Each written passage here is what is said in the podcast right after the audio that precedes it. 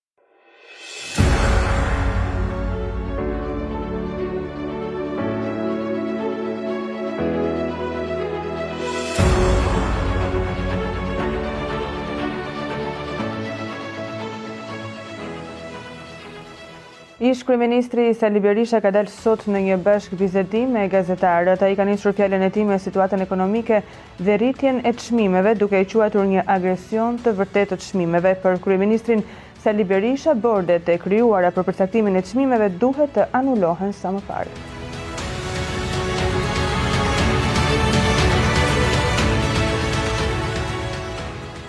Ish-kryeministri i Shqipërisë, Sali Berisha ka akuzuar ambasadoren amerikane në Shqipëri, Yuri Kim se po ndërhyn direkt në procesin gjyqësor të Partisë Demokratike.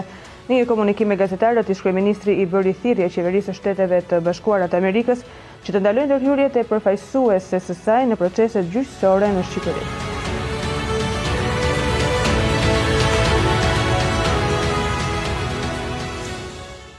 Ambasadorja e Shteteve të Bashkuara të Amerikës në Tiranë, Yuri Kim ka reaguar pas deklaratës së ish-kryeministrit Sali Berisha, teksa Berisha e akuzoi për ndërhyrje në procesin gjyqësor të Partisë Demokratike.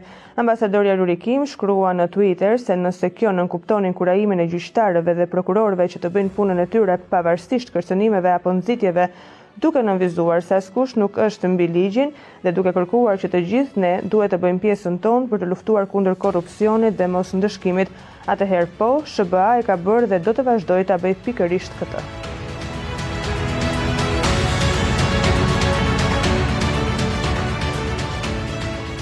Gjykata e Tiranës ka pranuar ankimimin e Partisë Demokratike përfaqësuar nga kryetari i grupit parlamentar i Partisë Demokratike, Enkeled Alibeaj lidhur me vendimin e gjyqtarit Agron Zhukri, ky i fundit njohu kuvendin e njëmbëdhjetë dhjetorit të ish-kryetarit të PD-së, Sali Berisha.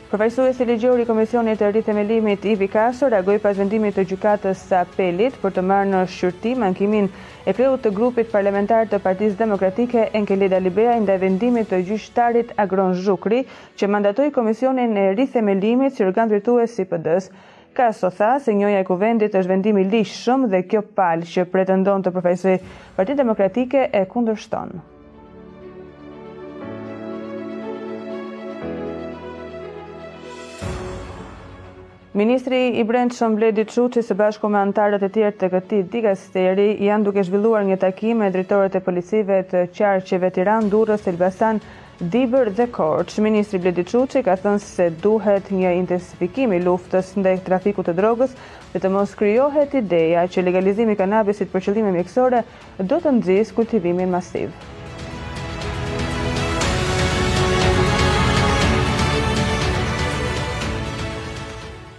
Banorët e Pesë Majit dhe Paskuqanit zhvilluan ditën e sotme një protestë në Agjencinë e Shpronësimeve. Pas kësaj proteste, banorët u pritën nga drejtori i Agjencisë së Shpronësimeve. Në përfundim të këtij takimi, një përfaqësues i protestës tha se u njoftuan nga drejtori se përfitojnë vetëm banorët që janë me certifikatë pronësie.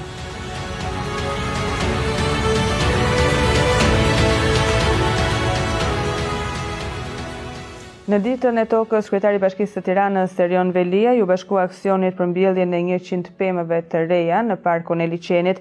Ai tha se në këtë sezon janë mbjellë rreth 114.000 pemë falë ndihmës së fëmijëve që e kanë përqafuar këtë nismë që në ditët e para por edhe bizneseve të ndryshme që dhurojnë pemë për qytetin. Ai tha se falë nismës së bashkisë shtatë vite më parë, por edhe mbështetjes së mjaft kompanive e qytetarëve, objektivi për dy milionë pemë deri në vitin dy mijë e tridhjetë është më se i arritshëm.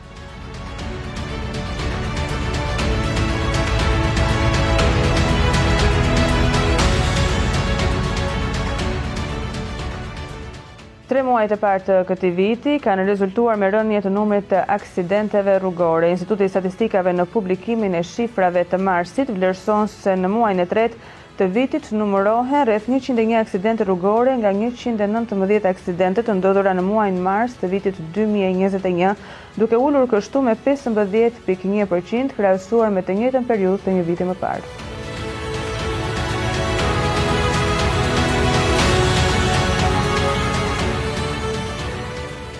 Moti i keq dhe me reshje të dendura ka përfshirë vendin tonë që prej ditës së djeshme. Reshjet dhe era e fortë kanë shkaktuar probleme në disa qytete. Raportohet në aksin rrugor, Elbasan, Librazhd, ka rrëshqitje të gurëve dhe dheut, çka rrezikon lëvizjen e automjeteve, dhe policia u bën thirrje drejtuesve të automjeteve që të tregojnë kujdes dhe të ulin shpejtësinë me qëllim që të shmangin rreziqet.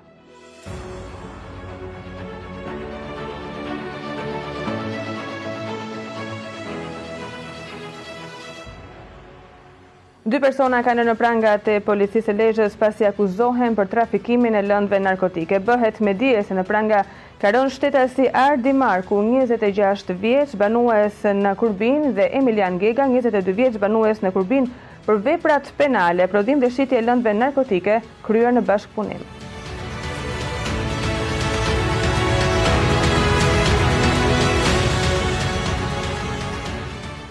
Gjykata e Lartë ka vendosur të refuzojë rekursin e ish-kryeprokurorit Adriatik Llalla për pezullimin e dënimit.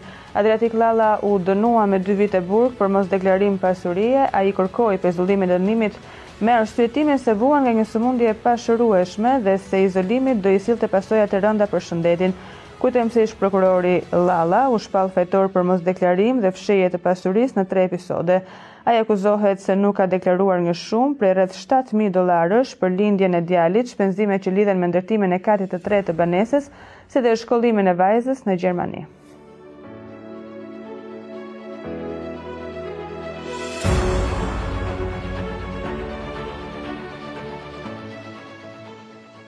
Forcat e ndërhyrjes së shpejtë ndodhen prej tre ditësh në zonën e Krujës, ku ka nisur një operacion të gjerë për zbulimin dhe asgjësimin e parcelave me kanabis. Mësohet se janë kontrolluar rreth dyqind e pesëdhjetë sera, pesëdhjetë e gjashtë shtëpi të braktisura, tunele, territori i pyllëzuar, sipërfaqe publike dhe shtetërore.